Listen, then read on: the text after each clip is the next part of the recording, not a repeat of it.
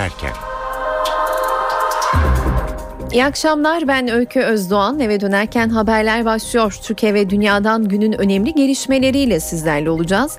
Öne çıkan haberlerin özetiyle başlıyoruz. Meclis Genel Kurulu'nda 17 Aralık tartışması yumruklu kavgaya döndü. CHP Genel Başkan Yardımcısı Bülent Tezcan gözünden yaralandı ve hastaneye kaldırıldı. Tezcan'a yumruk atan AK Partili Oktay Saral'a kınama cezası çıktı. Kınama cezasına Başbakan Yardımcısı Bülent Arınç ve Adalet Bakanı Bekir Bozdağ da evet dedi. Genelkurmay Başkanı ve kuvvet komutanlarının Yüce Divan'da yargılanmasını öngören tasarı Savunma Komisyonu'nda kabul edildi. Tasarı yasalaşırsa komutanlar için soruşturma iznini MİT müsteşarında olduğu gibi Başbakan verecek. Yargıtay Başkanlığı AK Parti Genel Başkan Yardımcısı Mehmet Ali Şahin'in Yargıtay'da cemaatin imamı var iddiasını araştırmak üzere soruşturmacı görevlendirdi. Ergenekon davasında müebbet hapis cezasına çarptırılan Genelkurmay eski başkanı İlker Başbuğ'un avukatı İlkay Sezer, Anayasa Mahkemesi'ne bireysel başvuruda bulundu. Dolar rekor tazelemeye devam edince Merkez Bankası adım attı. Banka piyasaya iki kez doğrudan döviz sattı. Ancak müdahaleler yeterli olmadı, doların ateşi düşmedi. Kayseri'nin Pınarbaşı ilçesinde yolcu otobüsü devrildi. 21 kişi hayatını kaybetti. Facia şoförün dikkatsizliği ve otobüsün eksikliğine bağlanıyor.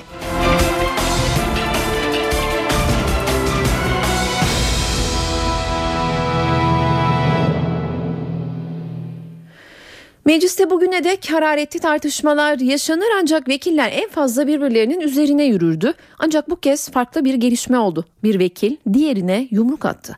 Genel kurulda 17 Aralık sonrası süreç üzerine görüş ve değerlendirmeler dile getirilirken AK Partili Oktay Saral yerinden kalkıp CHP Genel Başkan Yardımcısı Bülent Tezcan'ın üzerine yürüdü ve Tezcan'a yumruk attı. Yaralanan Tezcan hastaneye kaldırıldı. Ayrıntıları NTV muhabiri Özgür Akbaş'tan alacağız. Özgür seni dinliyoruz dinliyoruz. Evet Meclis Genel Kurulu'ndan Oktay Saral'a AK Parti İstanbul Milletvekili Oktay Saral'a kınama cezası çıktı. Aslında bu kınama cezasının nasıl çıktığını da hemen anlatmakta fayda var. Önce Grup Başkan Vekilleri, BDP Grup Başkan Vekili, MHP Grup Başkan Vekili, CHP Grup Başkan Vekili ve son olarak AK Parti Grup Başkan Vekilleri söz aldılar ve bu olayı aslında kınadılar. Ee, tabii Oktay Saral'a yönelik de önemli eleştiriler vardı. Olayın ardından, bu kınamaların ardından Meclis Başkan Vekili Sadık Yakut bir iş tüzük gereği e, kınama cezası istedi. Önce Oktay Saral'a söz hakkı tanıdı ancak Oktay Saral Meclis Genel Kurulu'nda olmadığı için söz hakkını kullanamadı ve ardından Oktay Saral'la ilgili İstanbul AK Parti İstanbul Milletvekili Oktay Saral'la ilgili kınama cezasını Meclis Genel Kurulu'nda oyladı. İşte o oylamada ilginç bir tablo ortaya çıktı. Çünkü iki bakan vardı Meclis Genel Kurulu'nda. O iki bakan Başbakan Yardımcısı Bülent Arınç ve Adalet Bakanı Bekir Bozdağ kınama cezasına evet dediler. Kınama cezası verilmesini istediler istediler ve bazı AK Parti milletvekilleri de bu kınama cezasına el kaldırarak onay verdiler. Onların da onayıyla birlikte Oktay Saral'a AK Parti İstanbul Milletvekili Bülent Tezcan'la yumruklu kavgaya karışan Oktay Saral'a kınama cezası verildi. Meclis Genel Kurulu'nda bu bir milletvekili için çok ağır bir ceza olduğunu söyleyelim ve son bir not aktaralım. Mecliste bu yaşanan şiddetli kavganın, yumruklu kavganın ardından Meclis Genel Kurulu'da kapandı. Yarın 14'te Meclis Genel Kurulu yeniden çalışmalarına devam edecek. NTV muhabiri Özgür Akbaş'a teşekkür edelim. Eve dönerken haberlere devam edelim. Ergenekon davasında hükümeti ortadan kaldırmaya teşebbüs ettiği gerekçesiyle müebbet hapis cezasına çarptırılan ve dava kapsamında iki yıldır tutuklu olan eski Genelkurmay Başkanı İlker Başbuğ'un avukatı İlkay Sezer Anayasa Mahkemesi'ne bireysel başvuruda bulundu. Sezer başvurunun kişi hürriyet ve özgürlüğünün ihlal edildiği gerekçesiyle yapıldığının altını çizdi. Başbakan Erdoğan Brüksel'de yaptığı görüşmelerle ilgili dönüş yolunda gazetecilerin sorularını yanıtladı. Başbakan Avrupa Birliği yetkililerine Türkiye'deki paralel yapıyı anlattığını söyledi. Şantaj ve tehditlerin devam ettiğini belirten Erdoğan bu yapının millete ve devlete zarar veremeyecek hale getirileceğini ifade etti. Başbakan Erdoğan önceki gün Brüksel'de yaptığı görüşmelerle ilgili dönüş yolunda gazetecilerin sorularını yanıtladı. Başbakan Avrupa Birliği yetkililerine paralel yapıyı anlatırken bazı örnekler verdikten sonra onlar da olaydan rahatsız oldular diye konuştu. Erdoğan, HSYK düzenlemesinin hukuki yanlışlıklara mani olmak için yapıldığını belirtti. paralel yapı şantajla tehdit ediyor dedi. Benim genel başkan yardımcıma yaptılar. Telefon dinlemesi yapıyor, görüntü alıyorlar. Evlere böcek koyuyorlar. Başbakan Erdoğan gazetecilerin hala yapıyorlar mı sorusuna da tabii niye hoplamaya başladılar yanıtını verdi. Adana'daki tır durdurma olayına işaret etti. Mahkeme kararlarını toptan alıyorlar. Bunlarla dinlemelere meşruiyet kazandırıyorlar. Alttaki adam savcının verdiği talimatla operasyon yapıyor. Emniyet müdürünün başsavcının haberi olmuyor. Üçüncü bir ayağı da var. Medyaya servis yapıyorlar. Ajanlık var, casusluk var. Devletin sırlarını ifşaya varıncaya kadar. En son tır konusunda kimin eli kimin cebinde ortaya yeni çıkıyor. Savcı polisi yaptıramayınca askeri adli kolluk olarak kullanıyor. Jandarmadaki uygun adamı buluyor ve yaptırıyor. Cadı avı iddialarını da reddeden başbakan, şirketlerde bile dürüst çalışmayanı kapıya koyarlar. Herkese eşit mesafedeyim diye konuştu. Kimseye düşman olmak gibi bir derdimiz yok. Ülkede bir cemaat de yok, cemaatler var. Nereden gelirse gelsin meşru olan bütün taleplere mümkün mertebe hep olumlu cevaplar verdik. Ama her şey bizim olsun mantığıyla şantajlar, tehditler. Benim ofisime böcek koyacak kadar ileri gittiler. Bunların hepsi açıklanacak. Gazetecilerin Fethullah Gülen'den yeni mektup var mı sorusuna ise Başbakan bana gelen herhangi bir mektup yok. Sadece yazılı ve görsel medyada takınılan tavırları takip ediyoruz. Tam aksine şantaj politikaları sürüyor yanıtını verdi. CHP lideri Kemal Kılıçdaroğlu, Adalet Bakanlığı Müsteşarı ile İzmir Cumhuriyet Başsavcısı arasındaki telefon görüşmesi üzerinden hükümete yüklendi. Konya'da konuşan Kılıçdaroğlu, iktidarın yargı üzerinde baskı kurduğunu ileri sürdü. CHP lideri 17 Aralık sonrası süreçle ilgili Başbakanın sözlerinin aksine Avrupa Birliği'nin endişeleri olduğunu da söyledi. Hiçbir yargıç siyasi baskı altında olmamalıdır. Hakim vicdanıyla karar vermelidir. Savunduğumuz nokta bu. Ben geçen gün bir tutanak açıkladım. İzmir Cumhuriyet Başsavcısının tutanağı. Ne diyor Adalet Bakanlığı Müsteşarı? Gece saat 22.31'de bakın. Gece saat 22.31'de. Gideceksin diyor şimdi. O savcıyı görevden alacaksın. Dosyayı kapatacaksın. Bunu yapmazsan sonuçlarına katlanacaksın. Bana bir tane demokratik ülke gösterin ki Adalet Bakanlığı Müsteşarı bir yolsuzluk dosyasının kapatılmasıyla ilgili savcıya, başsavcıya böyle bir talimat versin. İkna olup olmadığını Avrupa Birliği yetkilileri açıklar arkadaşlar. Ben onu ikna ettim ama onun sesi çıkmıyor. Olur mu böyle bir şey? Halka doğruları söylemeliyiz. Avrupa Birliği'nde endişeleri var. Hakimler Savcılar Yüksek Kurulu'nun düzenlemeleriyle ilgili endişeleri var. Onları sanki ikna ettim diyor Sayın Erdoğan. Oradaki deyim çok e, önemli. Emin değil yüzde yüz. Paralel devlet ve HSYK tartışmaları ile ilgili iş dünyasından da açıklama geldi. TÜSİAD Yönetim Kurulu Başkanı Muharrem Yılmaz, emniyet ve yargıdaki gruplaşmaları kabul edilemez olarak niteledi. HSYK kanun teklifinden de rahatsızlık duyduklarını söyledi. Emniyet güçleri ve yargı içerisinde varlığı ortaya çıkan gruplaşmaları ve bu gruplaşmaların örgütlü niteliğini devletin kurumsallığı açısından kabul edilemez buluyoruz.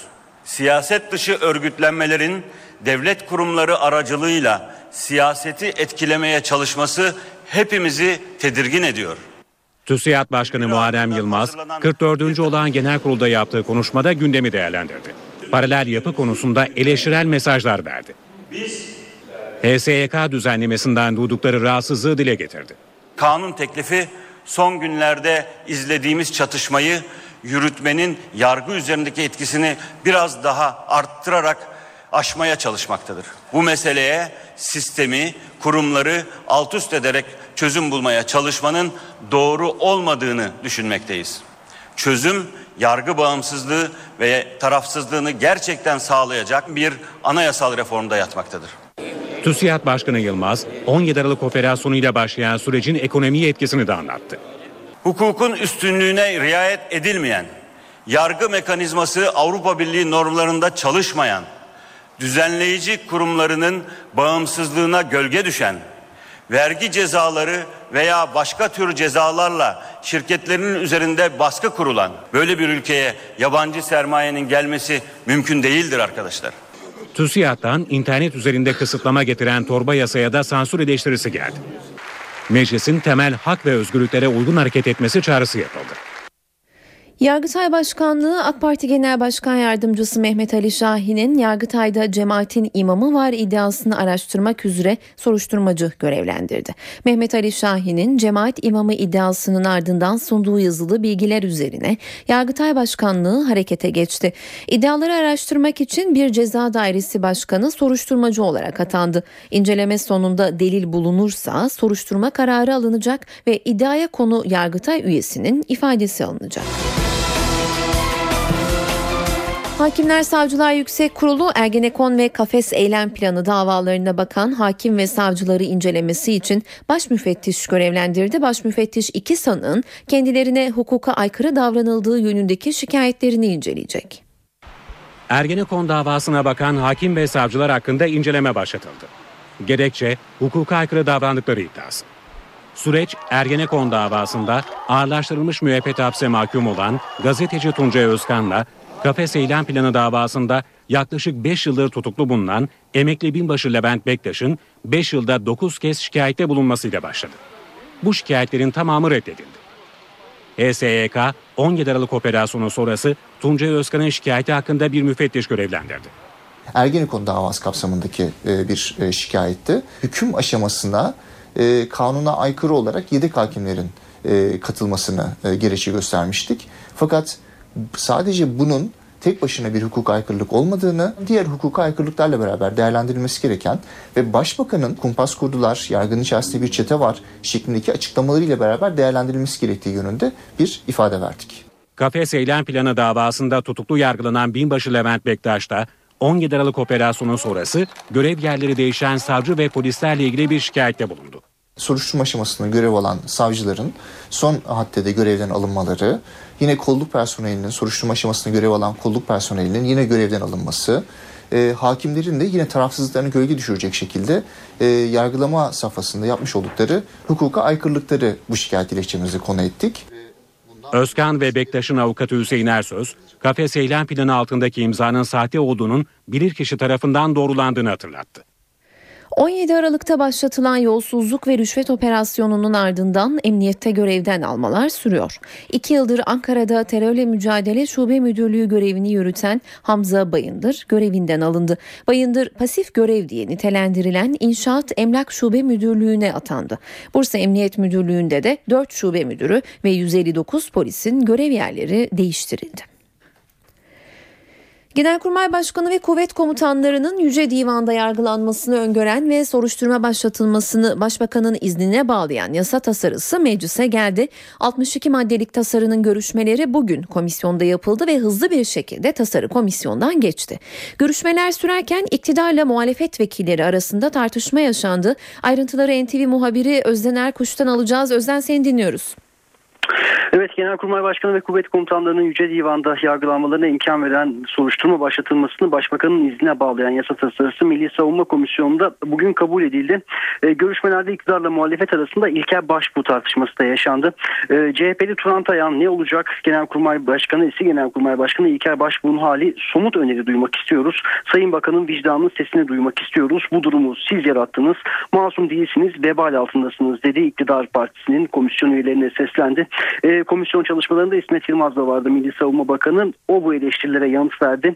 Bireysel başvuru imkanlarının olduğunu söyledi. Ola ki bireysel başvurudan da netice alınmadı. O zaman Avrupa İnsan Hakları Mahkemesi'ne gidilir. Yeniden yargılama yap derse e, o da geçersiz kılınır ve yeniden yargılama yapılır dedi. O mahkemede bize doğru mu ya da yanlış mı yaptığımızı göstermiş olur ifadelerini kullandı. Komisyonda bu tartışmaların yanı sıra CHP'li Tolga Çandır'ın yeterli söz hakkı tanınmadığı gerekçesiyle salonu terk ettiği bilgisinde verelim. Gelelim tasarıya kabul edilen tasarıyla Genelkurmay Başkanı ve kuvvet komutanları hakkında soruşturma açılması Başbakanın iznine bağlanıyor. Milli Savunma Bakanı İsmet Yılmaz tüm silahlı kuvvetler mensuplarının soruşturma izinlerinin Başbakan ya da ilgili bakandan alınmasına yönelik bir çalışma başlattıklarını da söyledi. CHP komisyonu eski komutanların görevleri sürecinde işledikleri suçlardan Anayasa Mahkemesi'nde yargılanmalarını içeren bir önerge verdi komisyon çalışmaları sırasında.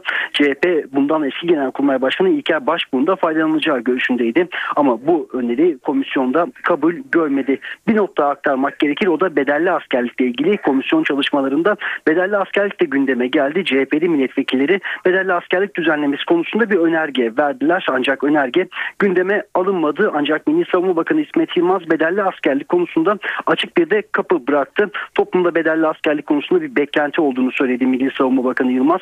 Ancak ihtiyaç sahibi makama yani Türk Silahlı Kuvvetleri'ne sormak gerekir. Askerliğin 15 aydan 12 aya indirildiğini de hatırlattı Yılmaz. Bu nedenle bir zafiyet olur mu diye Genelkurmay Başkanlığı'na sormak gerekir diye konuştu. Nisan ayında yeni bir torba yasanın meclis gündemine getirileceğini söyledi Yılmaz ve o yasa gelene kadar da Genelkurmay Başkanlığı'nın görüşeceğinin netleş görüşünün netleşeceğini söyledi. Bugün Milli Savunma Bakanlığı'nda yaşanan gelişmeler bu şekildeydi. Teşekkürler Özden. Saat 18.20 eve dönerken haberlerle yeniden karşınızdayız. Merkez Bankası doların değer kazanması üzerine piyasaya iki kez doğrudan döviz satarak müdahale etti. Ancak müdahalelere rağmen dolar gerilemedi. Merkez Bankası'ndan yapılan açıklamada döviz kurlarında görülen sağlıksız fiyat oluşumları nedeniyle piyasaya satım yönünde doğrudan müdahale edildi denildi. Merkez Bankası son olarak iki yıl önce piyasaya doğrudan müdahale etmişti. Merkez Bankası'nın müdahalelerine kabineden övgü geldi. Kalkınma Bakanı Cevdet Yılmaz'ın açıklamasını dinliyoruz. Dolar kuru gibi hadiselerde overshooting dediğimiz yani normalde olması gerekenin ötesine bazen geçen hareketlenmeler olabiliyor. Şu anda dolar kurunda yaşanan gelişmeler iki tane unsurla ilişkilendirilebilir. Fed'in aldığı kararlar var. Diğer taraftan içeride yaşanan bazı siyasi tartışmaların etkisi olduğunu değerlendirebiliriz. Fakat bunlar geçici etkilenmelerdir. Merkez Bankamız küresel kriz ortamında en başarılı merkez bankalarından bir tanesi. Bağımsız bir şekilde elindeki enstrümanları en etkili şekilde kullanacaktır. Fakat önemli olan e, bu tür durumlarda hemen kısa dönemli hareketlenmelerde aşırı yorumlara gitmemek gerekir. Daha sakin bir şekilde bu dengelerin oturmasını beklemek gerekir. Dövizdeki yükselişi ve bugün yapılan müdahaleleri NTV Ekonomi Müdürü Gökay Otyam'la konuşacağız. Gökay yayınımıza hoş geldin.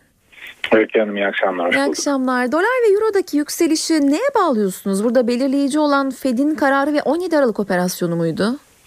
Evet doğru. İkisi öyle. Yani tek başına e, ne FED ne siyaset ikisinin de etkisini zaten Mayıs'ta başladı bu yükseliş. İlk FED'de başladı.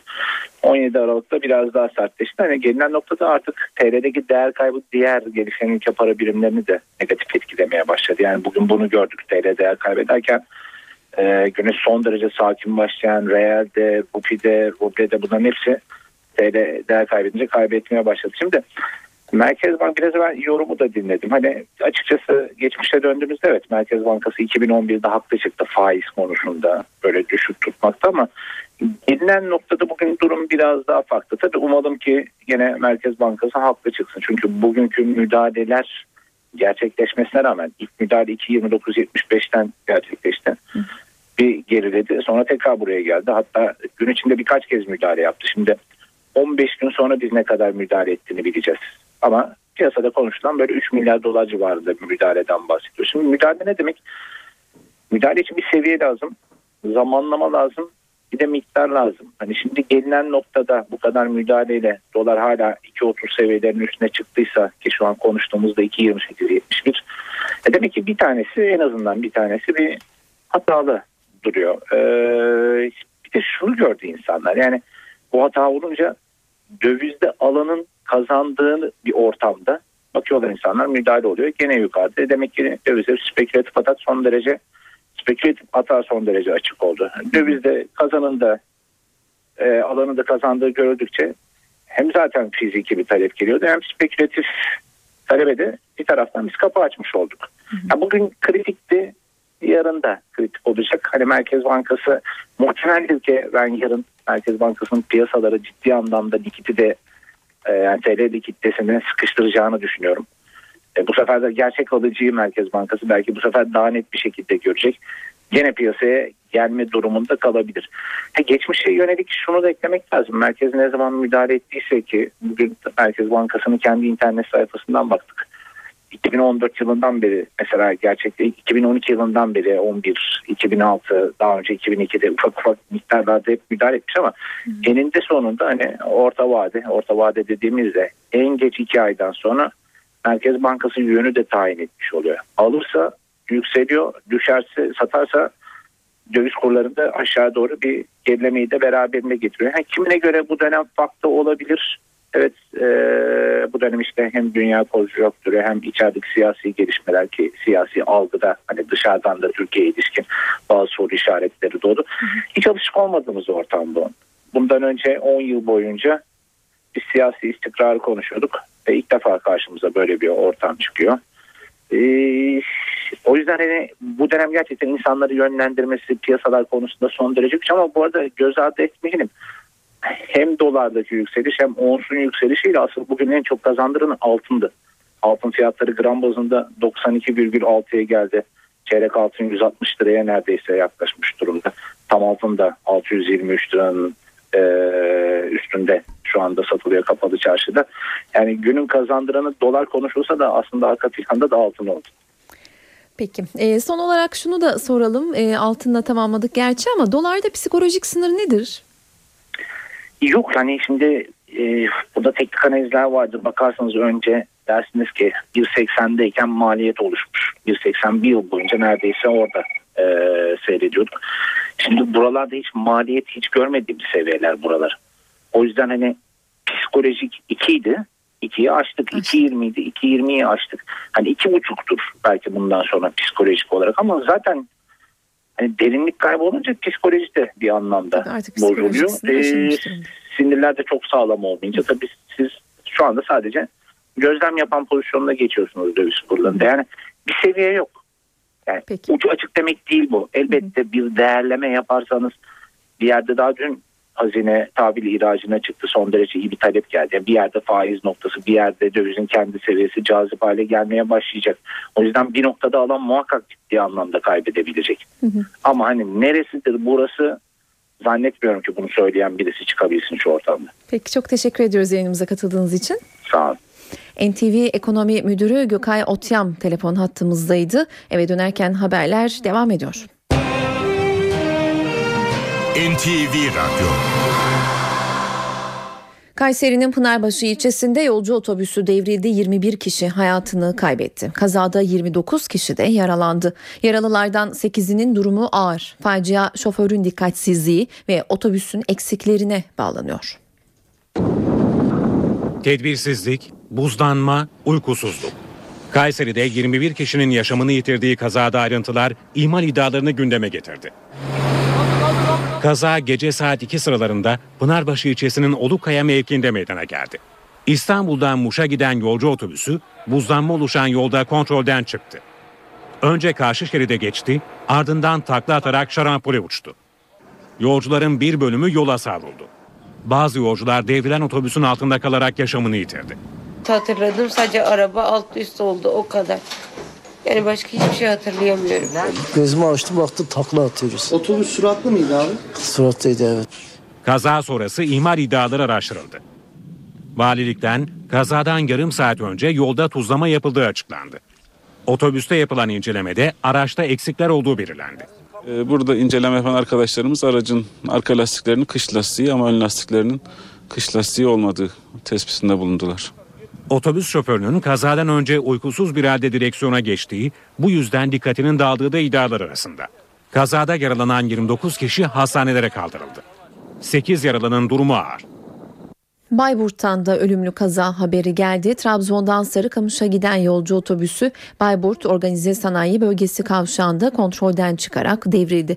Kazada bir doktorla iki çocuk yaşamını yitirdi. 12 kişi yaralandı. Yaralılar Bayburt Devlet Hastanesi'ne kaldırıldı. Kazanın ardından aracın şoförü gözaltına alındı. Yurt genelinde kuraklık endişesi yaşanırken doğuda kar yağışı etkili oluyor. Erzurum'da yoğun kar yüzünden okullar tatil edildi. Kars, Bingöl ve Tunceli'de de yağış var. Doğuda kar yağışı günler sonra yeniden etkili oldu. Birçok kente kar yağdı. Erzurum'da yağış yüzünden il genelinde ilk ve orta dereceli okullar tatil edildi. Köy yollarının kapanmaması için kar temizleme çalışmaları başlatıldı. Bingöl Yedisu'da kar bazı noktalarda 1 metreye ulaştı. Erzurum ve Erzincan karayolunda ulaşımda zaman zaman aksamalar yaşandı. Sürücüler buzlanmalara karşı uyarıldı. Kars, Ardahan ve Tunceli'de iş yeri sahipleri kaldırımları, sürücülerse araçlarını temizledi. Kent merkezinde biriken kar yüzünden belediye ekipleri gün boyu çalıştı. Yağış, Palandöken Kayak Merkezi'ndeki işletmelerde yüzleri güldürdü. Kar kalınlığı pistlerde 40 santimetre olarak ölçüldü. Tatilciler karın etkisiyle tesislerde yoğunluk oluşturdu. İstanbul'a içme suyu sağlayan barajların yalnızca üçte biri dolu. Rakamlar barajlardaki suyun geçen yılın yarısı kadar olduğunu ortaya koyuyor. İSKİ'den edinilen bilgiye göre İstanbul'a içme suyu sağlayan Ömerli, Darlık, Elmalı, Terkos, Ali Bey, Büyükçekmece, Sazlıdere, Kazandere barajlarındaki mevcut su miktarı bugün itibariyle 286 milyon metreküp. Bu rakam günde ortalama 2,5 milyon metreküp su tüketilen kentin yaklaşık 4 aylık suyu kaldığı anlamına geliyor. Barajların doluluk oranı ise %33. Geçen yıl bu oran %70'in üzerindeydi. Sırada hava durumu var. Bu gece ve yarın bizleri nasıl bir havanın beklediğine bakalım. NTV Meteoroloji Editörü Gökhan Abur'u dinliyoruz. İyi akşamlar. Yağış kuzeyde sıcaklıkları 3-4 derece azalttı. Ege ve Akdeniz'de ise yarın da ortalamaları üzerinde olacak. Sıcaklıkların rüzgarın kuzeye dönmesiyle pazar gecesi Trakya'da, pazartesi günü ise Marmara'nın tamamı ve Batı Karadeniz'de yeniden azalmasını bekliyoruz. Yarın Doğu Karadeniz'de yağış aralıklarla devam ederken doğuda kar yağışı hafifleyecek. Günün ilerleyen saatlerinde ise batı yeniden yağış tavanın etkisine girecek. Trakya ve kıyı Ege'de başlayacak yağışlar cumartesi günü Trakya, İzmir, Bodrum, Marmaris, Fethiye ve Antalya'da çok daha kuvvetli olmak üzere yurdun büyük çoğunluğunu etkisi altına alacak. Doğudaki yağışlar ise yine kar şeklinde olacak. Yurt genelindeki yağışlar Akdeniz'de daha kuvvetli olmak üzere pazar günü de devam edecek. Havanın soğumasıyla birlikte Trakya'daki yağışların karla karışık yağmur ve kar şeklinde olmasını bekliyoruz. İstanbul'da yarılama bulutlanacak. Hafif yağmur da yağabilir. Sıcaklık ise gündüz 13, gece 8 derece olacak. Ankara yarın parçalı bulutlu. Sıcaklık gündüz 9, gece 1 derece olacak. İzmir'de ise yarın akşam hafif yağmur bekliyoruz. Cumartesi ise yağış giderek kuvvetlenecek ve sıcaklık 16 derece civarında olacak. Hepinize iyi akşamlar diliyorum. Hoşçakalın.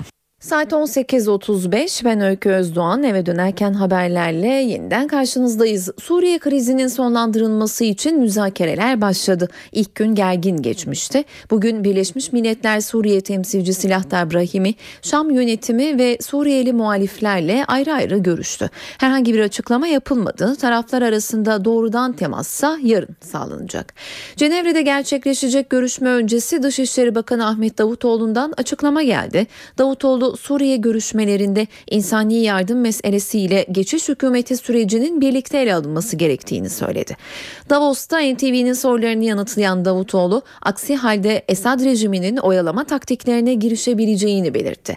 Bakan Adana'da arama yapılan tırlar ve Kuzey Irak'ta imzalanan petrol anlaşmasını da değerlendirdi. Bizim teklifimiz şu oldu. iki e, ayaklı bir müzakere yürüsün. İnsani yardımlar ve güven artırıcı önlemler bir tarafta konuşulurken, müzakere edilirken diğer taraftan da bir an önce geçiş hükümeti kurularak siyasal geçişle ilgili adımlar atılsın. Dışişleri Bakanı Ahmet Davutoğlu Davos'ta NTV ve CNBC'ye verdiği demeçte İsviçre'de düzenlenen Suriye Barış Konferansı'nı değerlendirdi.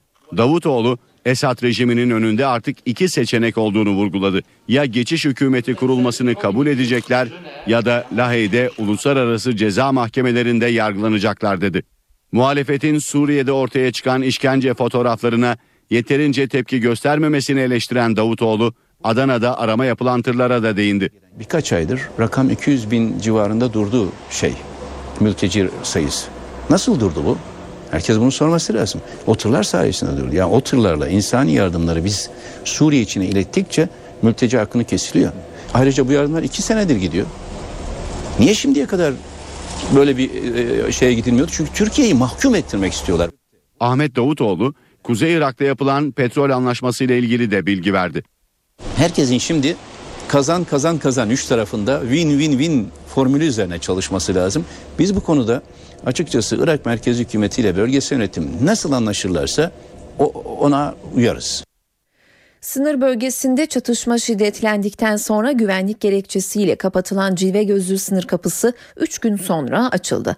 Hatay'ın Reyhanlı ilçesinden Suriye'ye açılan Cilve Gözlü sınır kapısında tırların geçişine kontrollü olarak izin veriliyor. Cilve Gözü Türkiye'ye girmek isteyenlere de açık. Suriye-Türkiye sınırındaki 3 kapının kapanmasıyla araçların yönlendiği Cilve Gözü'nde 30 kilometrelik kuyruk oluşmuştu. Suriye'de sistematik işkenceyi belgeleyen yeni fotoğraflar yayınlandı. Anadolu Ajansı ele geçirdiği yeni fotoğrafları kamuoyuyla paylaştı. Yeni işkence fotoğrafları barış müzakereleri için Montreux kentine giden Suriyeli muhaliflerden alındı. Pazartesi günü de Suriye'de sistematik işkenceyi belgeleyen 55 bin fotoğrafa ulaşılmıştı. Suriyeli bir asker tarafından muhaliflere sızdırılan 55 bin fotoğraf 11 bin Suriyeli muhalifin işkence sonucu öldüğünü ortaya koyuyor. Esad rejimi ise işkencenin kendileri değil muhalifler tarafından yapıldığını savunuyor.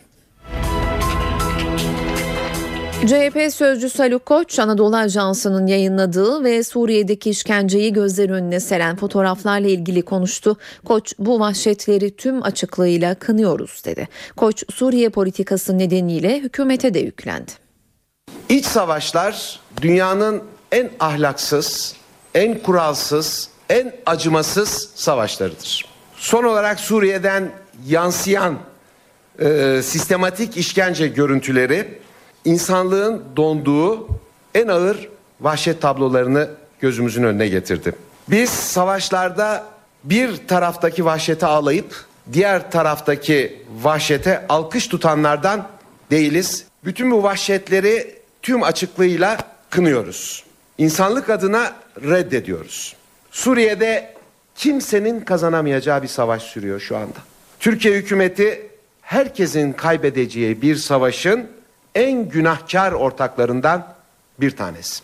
AKP hükümeti, Başbakan ve Dışişleri Bakanı Suriye'deki şiddetin ortağı ve baş aktörlerindendir.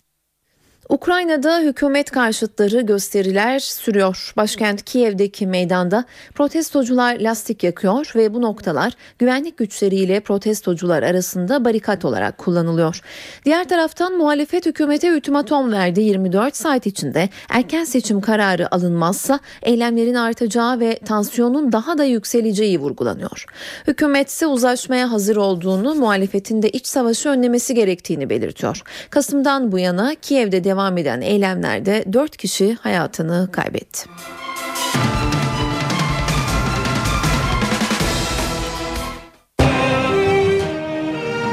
NTV Radyo Gazeteci yazar Uğur Mumcu suikastinin üzerinden 21 yıl geçti. Mumcu yarın bombalı saldırıyla öldürüldüğü evinin önünde anılacak. Türkiye'nin sakıncalı piyadesi Cumhuriyet Gazetesi'nin gözü kara yazarıydı. 51 yıllık hayatına binlerce haber, sayısız araştırma dosyası sığdırdı. Niçin bu memleketi Gazeteci yazar Uğur Mumcu suikastinin üzerinden 21 yıl geçti. Evin yakındaki trafonun patladığını düşündüm ben daha çok hani böyle bir olaydan çok. Çünkü e, annemle babam evden çıktıktan herhalde 3-5 dakika sonra olmuştu. Telefonlar çalmaya başladı ve hani gerçek mi doğru mu diye soranlar oldu ama kimse de telefonda ne olduğunu söylemedi. Sonra da bir 10 belki yarım saat sonradır e, annem gelip olayı anlattı. Mumcu suikasti dosyası yıllarca sürüncemede kaldı. 17 Ocak 2000'de İstanbul Beykoz'da düzenlenen Hizbullah operasyonunda ele geçirilen belgeler Mumcu dosyasının kaderinde dönüm noktası oldu. Katillerin bulunması için umut adı verilen yeni ve kapsamlı bir operasyon başlatıldı.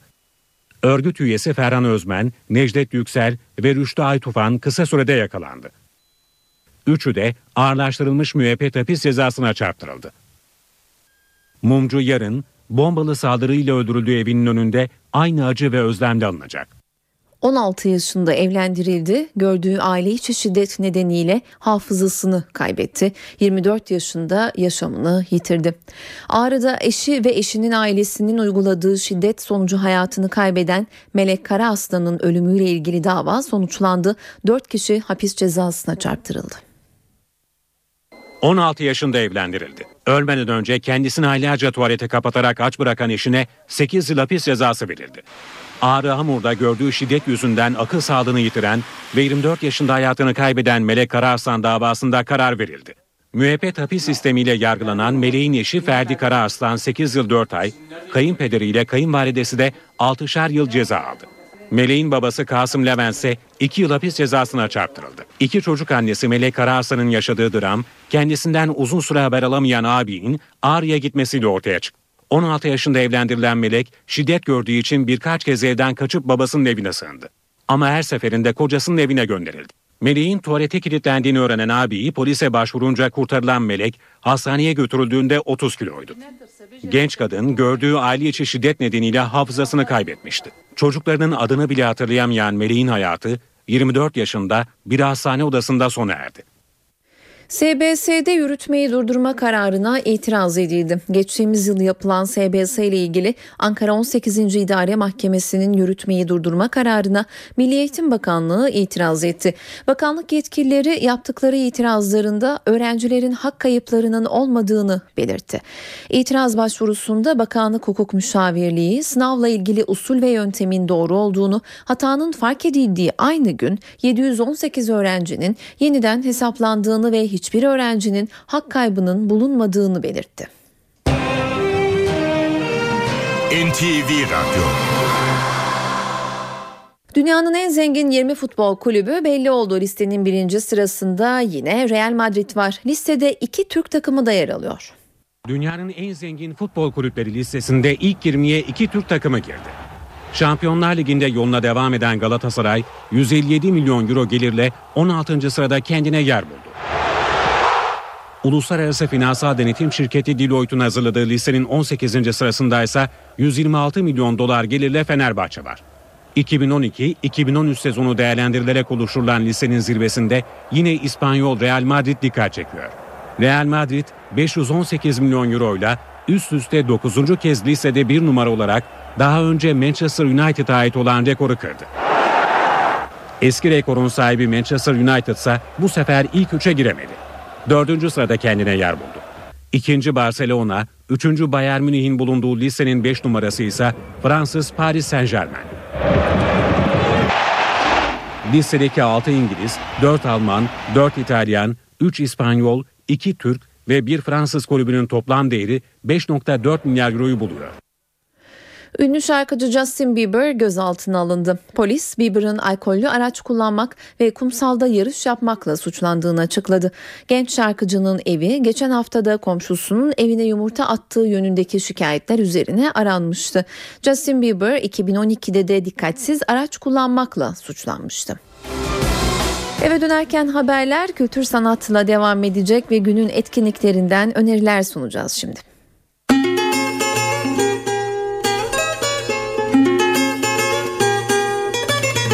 Babilon İstanbul'da Cihan Barbur sahne alıyor bu akşam. Çağdaş müziğin önemli şarkıcı ve bestecilerinden Cihan Barbur performansına 21.30'da başlıyor. Caddebostan Kültür Merkezi Boğaziçi Caz Korosu'nu ağırlıyor bu akşam. Son yıllardaki başarılarıyla Türkiye'nin adını ulusal arenaya taşıyan Boğaziçi Caz Korosu performansına saat 20.30'da başlıyor. İF Performans Hall Ankara'da rock müzik grubu Zakkum dinlenebilir bu akşam. Son albümü Her Gün Sonbahar'la 21'de başlıyor performansına. Budapeşte Festival Orkestrası ise Cemal Reşit Rey konser salonunda olacak bu akşam. Dünyanın önde gelen orkestralarından Budapeşte Festival Orkestrası, çağın en sevilen ve ünlü şeflerinden Ivan Fischer'le saat 20'de başlıyor performansına. İstanbul Lindy Hoppers The Mekan sahnesinde organize ettiği Swing Gecesi etkinliğinde bu hafta Flapper Swing'i ağırlıyor. Performans başlama saati 21.30. Kadıköy sahnede ise zımba dinlenebilir bu akşam. Performans başlama saati 22. İstanbul Gençlik Caz Orkestrası Nardiz Jazz Club'da saat 21.30'da sahne alıyor bu akşam. Living Room Art Cafe sahnesinde Cemmettin Band saat 22'de dinlenebilir bu akşam. Taksim Fotoğraf Evi'nde de Küba fotoğraflarından oluşan bir sergi var. Fotoğraflar ünlü fotoğrafçı Nico Guido'nun önderlik ettiği 16 fotoğraf gezginine ait. Sergi 30 Ocak'a kadar devam edecek. Tiyatro severler için de bazı önerilerimiz olacak. Devlet Tiyatroları Üsküdar Stüdyo sahnede Michelangelo sahneleniyor bu akşam. Oyun Rönesans'ın önemli sanatçılarından biri olan Michelangelo'nun Roma'daki Sistine Şapeli'ni resimlerken yaşadığı son birkaç haftayı anlatıyor. Heykeltıraş, ressam, mimar Michelangelo sanatın iktidarla yaşadığı çatışmaları, dehasının sonucu gelen kaçınılmaz yalnızlığı ve güvensizlikleriyle yüzyıllar boyunca insanlık tarihinin en büyük hazinelerinden biri olarak anılacak olan büyük eserini tamamlamaya çalışır. Saydam Yeniay'ın yönettiği oyunda rol alan bazı oyuncular Ali Atilla Şendil, Mahmut Gökgöz, Cemal Ünlü, Ozan Uçar, Tevfik Tarhal. Oyun perdelerini saat 20'de açıyor. İstanbul Şehir Tiyatroları Üsküdar Müsahipzade Celal sahnesinde yuvaya dönmek sahneleniyor. Oyun beklenmedik bir anda nüfus mübadelesiyle yüzleşerek evini ve her şeyini kaybeden bir ailenin çöküşünü anlatıyor. Bu yolculuğu farklı dilleri konuşan farklı ülkelerden ve sanatsal gelenekten sanatçılar sunmaktadır. Alessandra Paolotti'nin yönettiği oyunda Emre Narcı, Esin Umulu, Işıl Zeynep Tangör, Ömer Barış Bakova gibi isimler rol alıyor. Oyun saat 15.30'da açıyor perdelerini. Akşam evdeyseniz CNBC'de saat 22'de Agora izlenebilir. Film 5. yüzyılda Mısır'da bilim dünyasının en güçlü seslerinden biri olan Hipatya'nın hikayesini onun gözünden anlatıyor. Alejandro Amenabar'ı yönetmen koltuğuna oturduğu filmde Rachel Weisz, Max Minghella, Oscar Isaac rol alıyor. Öncesinde ise saat 21'de Person of Interest ekranda olacak. Star TV'de ise saat 20'de yerli dizi Aramızda Kalsın ekranda olacak.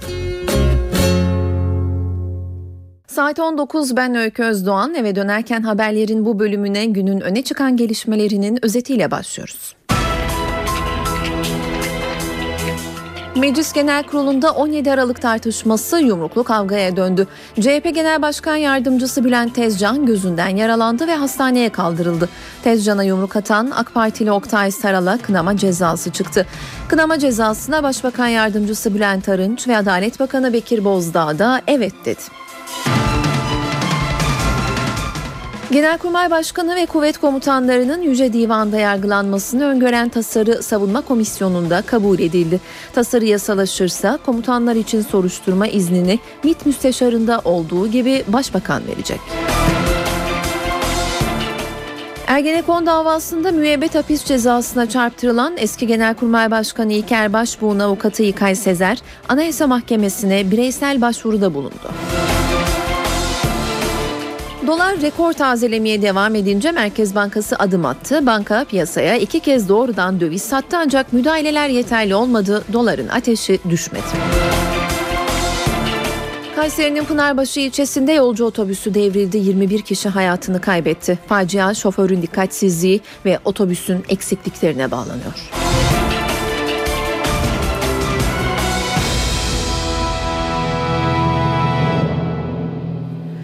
Kayseri'nin Pınarbaşı ilçesinde yolcu otobüsü devrildi. 21 kişi hayatını kaybetti. Kazada 29 kişi de yaralandı. Yaralılardan 8'inin durumu ağır. Facia şoförün dikkatsizliği ve otobüsün eksikliklerine bağlanıyor.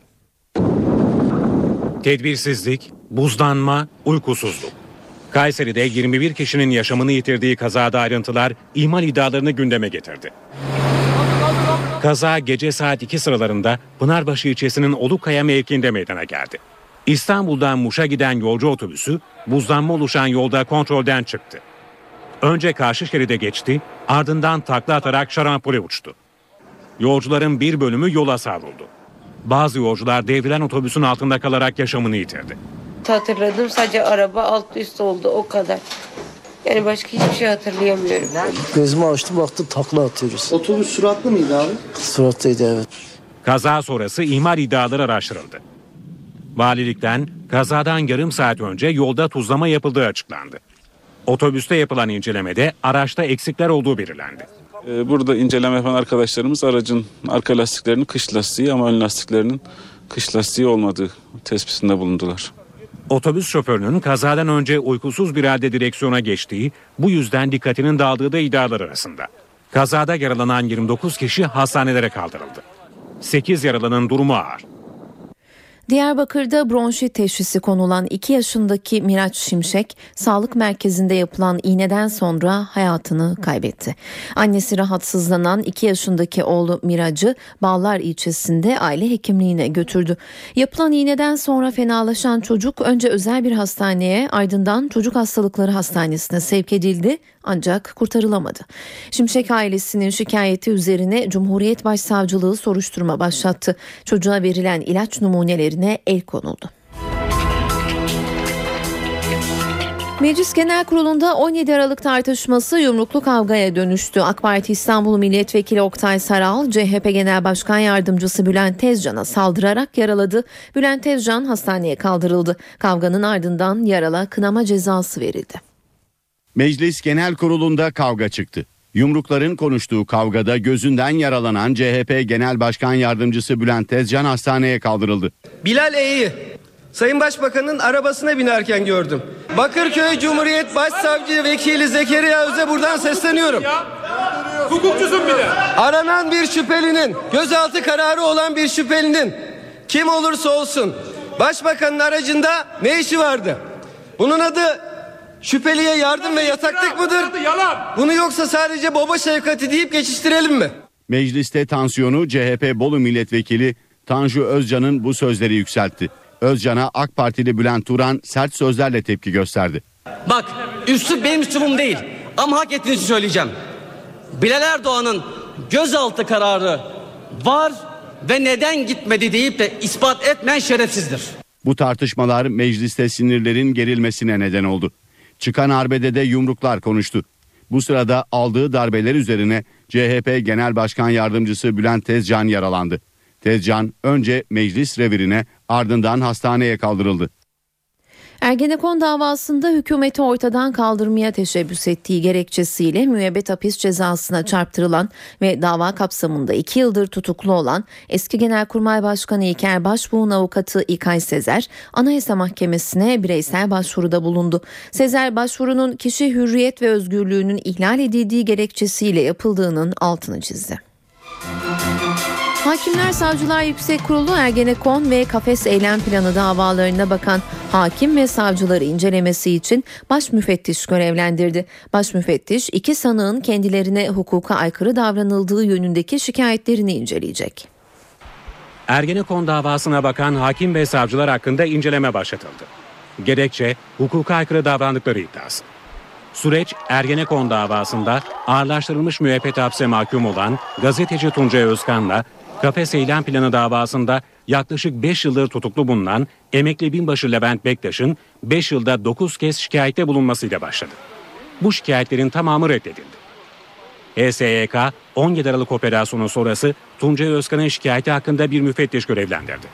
Ergenekon davası kapsamındaki e, bir e, şikayetti. Hüküm aşamasına e, kanuna aykırı olarak yedek hakimlerin e, katılmasını e, gerekçe göstermiştik. Fakat sadece bunun tek başına bir hukuk aykırılık olmadığını, diğer hukuk aykırılıklarla beraber değerlendirilmesi gereken ve başbakanın kumpas kurdular, yargının içerisinde bir çete var şeklindeki açıklamalarıyla beraber değerlendirilmesi gerektiği yönünde bir ifade verdik. Kafes Eylem Planı davasında tutuklu yargılanan binbaşı Levent Bektaş da 17 Aralık operasyonu sonrası görev yerleri değişen savcı ve polislerle ilgili bir şikayette bulundu soruşturma aşamasında görev alan savcıların son haddede görevden alınmaları, yine kolluk personelinin soruşturma aşamasında görev alan kolluk personelinin yine görevden alınması, e, hakimlerin de yine tarafsızlıklarını gölge düşürecek şekilde e, yargılama safhasında yapmış oldukları hukuka aykırılıkları bu şikayet dilekçemize konu ettik. Özkan ve Bektaş'ın avukatı Hüseyin Ersöz, kafes eylem planı altındaki imzanın sahte olduğunun bilirkişi tarafından doğrulandığını hatırlattı. Saat 19.12 ben Öykü Özdoğan eve dönerken haberlerle yeniden karşınızdayız. Genelkurmay Başkanı ve kuvvet komutanlarının Yüce Divan'da yargılanmalarına imkan veren ve soruşturma başlatılmasını Başbakanın iznine bağlayan yasa tasarısı Milli Savunma Komisyonu'nda kabul edildi. Genelkurmay Başkanı ve kuvvet komutanlarının Yüce Divan'da yargılanmasını düzenleyen yasa tasarısı Meclis Milli Savunma Komisyonu'nda kabul edildi. Görüşmeler İlker Başbuğ tartışmasıyla başladı. Ne olacak gencecik genç subaylar? Ne olacak komutanlar? Ne olacak Genelkurmay Başkanı İlker Başbuğ'un hali? Somut önerisini duymak istiyoruz. Sayın Bakan'ın vicdanının sesini duymak istiyorum. Bu durumu siz yarattınız, seyrettiniz. Masum değilseniz vebal altındasınız. Ola ki bireysel başvurudan başvuruldu ama netice alınmadı. Avrupa İnsan Hakları Mahkemesi'ne gider. Yeniden yargılama yap diyorsan yeniden yargılama yapıyor. Bunu geçersiz sayısı geçer. Dolayısıyla o da o mahkemede bize yapmış olduğumuz işlemlerin doğru mu yanlış mı olduğunu ayrıyeten belirtir. Komisyonda bu tartışmalar yaşanırken CHP'li Tolga Çandar yeterli söz hakkı tanınmadığı gerekçesiyle salonu terk etti. Sizlere çalışmalarınızda başarılar diliyor ve bu tavrınızı şiddetle kınayarak komisyonu terk ediyorum. Kabul edilen tasarıyla Genelkurmay Başkanı ve kuvvet komutanları hakkında soruşturma açılması Başbakan iznine bağlanıyor. Milli Savunma Bakanı İsmet Yılmaz, tüm silahlı kuvvetler mensuplarının soruşturma izinlerinin Başbakan ya da ilgili bakandan alınmasına yönelik bir çalışma başlattıklarını da söyledi. Merkez Bankası dolarda yaşanan hareketliliğin ardından gün içinde piyasaya doğrudan döviz satarak müdahale etti ancak müdahaleye rağmen dövizdeki yükseliş sürdü. Dolar güne yükselerek başladı. Sabahın erken saatlerinde 2,29 seviyesine yükselen dolara Merkez Bankası müdahale etti. Gün içinde birkaç kez gerçekleşen müdahalelerle dolar 2,27 seviyesinin altına inse de ilerleyen saatlerde tekrar 2,30 düzeyine yükseldi. Euro da lira karşısında 3,14'ün seviyelerini gördü. Liradaki değer kaybı Mayıs 2013'ten bugüne %30'u aşmış oldu. Altın da yükseldi. Çeyrek altın 159 liraya satılıyor. NTV Radyo Eve dönerken haberleri spor gündeminden gelişmelerle tamamlıyoruz. Ben Öykü Özdoğan. Yarın akşam aynı saatte karşınızda olacağız. Şimdilik hoşçakalın. Ziraat Türkiye Kupası gruplarında 3. maçlar dün oynandı. Alınan sonuçlar şöyle. A grubu Bursa Spor 4, Eskişehir Spor 1, Sivas Spor 2, Akhisar Belediye 1. B grubu Seninkaboru Elazığ Spor 1, Galatasaray 0, Medikal Park Antalya Spor 6, Tokat Spor 1. Elazığ deplasmanında sürpriz bir yenilgi alan Galatasaray bu maçta iki önemli oyuncusundan da oldu. Genç oyuncu Aydın Yılmaz'ın ayak bileği kırılırken Burak Yılmaz kırmızı kartla oyun dışında kaldı. Aydın Yılmaz'ın sakatlığının ardından Galatasaray Kulübü doktoru Yener İnce açıklamalarda bulundu. Aydın'ın sol ayak bileğinde kırık bulunduğunu belirten İnce ameliyatın kaçınılmaz olduğunu söyledi. Aydın kardeşimizin e, sol ayak bileğinde bir kırığı var. Fibula dediğimiz kemikte. Beraberinde e, bizim sindezmoz diye adlandırdığımız bir bağda da yırtığı var maalesef.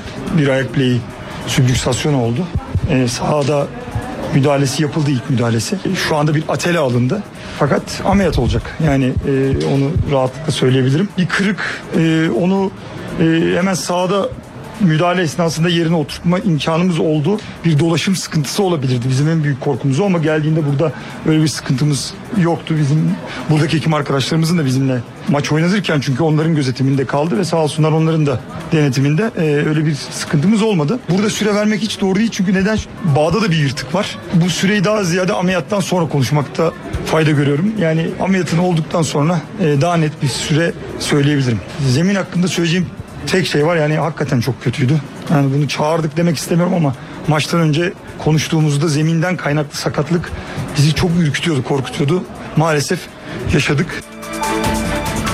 Beşiktaş'ın Lodeiro açıklamasının ardından Botafogo kulübünden aksi yönde haberler geldi. Bu iddialara da Beşiktaş Yönetim Kurulu üyesi Ahmet Kavalcı yanıt verdi. Botafogo idare menajeri Anibal Nightingale'in Beşiktaş'ın teklifi olduğunu ancak henüz kabul etmediklerini ve bu futbolcuyu da kiralık göndermeyeceklerini söylediği iddia edildi. Konu üzerine bir açıklama yapan Beşiktaş Futbol A takımı sorumlu yöneticisi Ahmet Kavalcı, Lodeiro transferi için gereken evrakları imzalayıp gönderdiklerini belirterek sözleşmeyi imzalayıp aksadığımızda Brezilya'da saat daha sabahın 5'iydi. Bu yüzden bir karışıklık yaşanmış olabilir. Biz Botafogo'dan gelen sözleşmeyi aynen imzaladık ve geri gönderdik. Bu konuda herhangi bir sıkıntı yok. Karşı tarafın bunu işleme koymasından sonra Loderio'yu Türkiye'ye getireceğiz diye konuştu. Fenerbahçe yönetimi Başkan Aziz Yıldırım'ın İstanbul'a dönmesinin ardından dün bir toplantı yaptı. Sarı Lacivert Yönetim Kurulu yaşanan süreçle ilgili yarın yeniden toplanma kararı aldı. Açıklama kulübün resmi internet sitesinden yapıldı. Kongre üyelerine, Fenerbahçe taraftarına renk ayrımı yapmadan Başkan Aziz Yıldırım'a destek olan başta Beşiktaş olmak üzere Galatasaray ve diğer kulüp taraftarlarına teşekkür edildi. Dün gerçekleştirilen toplantıda gündeme dair kısa bir değerlendirme yapıldığına dikkat çekilirken kulübümüzün ilgili kurum ve birimleriyle gerekli çalışmaların yapılmasına, Fenerbahçe açısından hassas ve bir o kadar da önemli bir süreç hakkında nihai karara varılabilmesi için 24 Ocak Cuma günü yeniden yönetim kurulu toplantısı yapılmasına karar verilmiştir ifadelerine yer verildi. Fenerbahçe Ülker Kaptanı Ömer Onan, Panathinaikos maçı öncesi NTV Spor'a değerlendirmelerde bulundu. Deneyimli oyuncu çeyrek final şanslarını sürdürmek için Yunan ekibini yenmek zorunda olduklarını söyledi. Euroleague'e istediğimiz gibi başlayamadık. Top 16 özellikle. Ee, 3'te 0 yaptık daha galibiyetimiz yok. Ee, gruptaki şansımızı, X8 şansımızı devam ettirmek istiyorsak e, yarın Panathinaikos'u burada yenmemiz lazım. Çünkü burada da yarın da yenilirsek e, işimiz bayağı zor olacak. Bu açıdan bizim için çok kritik bir maç. Üst üste alınan mağlubiyetler tabii ki biraz moralimizi bozdu. Özgüven kaybına neden oldu ama yarın ben inanıyorum ki seyircinin de desteğiyle bir geri dönüş yapabiliriz. Ee, bunun için de bütün hazırlıklarımızı yaptık. Bu sene seyirci bizi hiç yalnız bırakmadı. Bir kere hakkını vermek lazım. Fenerbahçe camiası e, müthiş bir destek verdi arenada burada bize. E, tabii ki seyirciyle birlikte de oyuncuların da onlarla birlikte bir reaksiyon vermemiz lazım, vermemiz lazım. Yani özellikle daha agresif, daha sert kendi evimizde oynamamız lazım. Çünkü son 3 maça baktığımız zaman skor anlamında pek sıkıntı çekmediğimizi görüyoruz ama e, Euroleague'in en fazla 3 maç sonunda en fazla sayı yiyen takımıyız. E, böyle olduğu zaman da hücum yeteneklerimizi, çok yetenekli oyuncularımız var. Onlar göz önüne çıkmıyor. Çünkü e, attığınızdan daha fazla yiyorsunuz. E, bu açıdan da böyle bir sahamız var, böyle bir seyircimiz var. Çok daha agresif, çok daha salgılayan e, rakibi e, maçın başından itibaren e, baskı altına almamız lazım. Panathinaikos da iyi bir takım. Onlar aynı işte çok iyi savunma yapıyorlar. Daha derli toplu oynuyorlar. Ama e, dediğim gibi yarın iyi bir başlangıç yapmamız lazım. Voleybol Sev Denizbank Kadınlar Şampiyonlar Ligi'nde Vakıfbank altılı playoff'a zorlanmadan katıldı. Temsilcimiz Azerbaycan'ın iktisatçı Bakü takımını 3-0'ın rövanşında da aynı sonuçla yenerek tur atladı. Denizbank Bayanlar Sev Şampiyonlar Ligi 12'li playoff turunun rövanşında Azerbaycan'ın iktisatçı Bakü takımını 3-0 yenen Vakıfbank 6'lı playoff turuna yükseldi. İlk maçı da deplasmanda 3-0 kazanan temsilcimiz Burhan Felek Voleybol Salonu'ndaki maça etkili başladı. Rakibine nefes aldırmayan Vakıfbank teknik molalarına 8-5 ve 16-8 önde girdiği ilk seti 25-13 aldı. İkinci sette de temposunu koruyan sarı siyahlı takım teknik molalara 8-1 ve 16-4 önde gitti. Seti 25-13 kazanan Vakıfbank son sette kendisini fazla zorlamadı. Bu seti de 25-20'lik skorla alan ekibimiz maçı 3-0 kazandı. Resmi maçlarda 11 Mayıs 2012 tarihinden bu yana oynadığı 72 maçtan galibiyetle ayrılan Vakıfbank, Azeri temsilcisi İktisatçı Bakü karşısında 73. galibiyetini elde etti.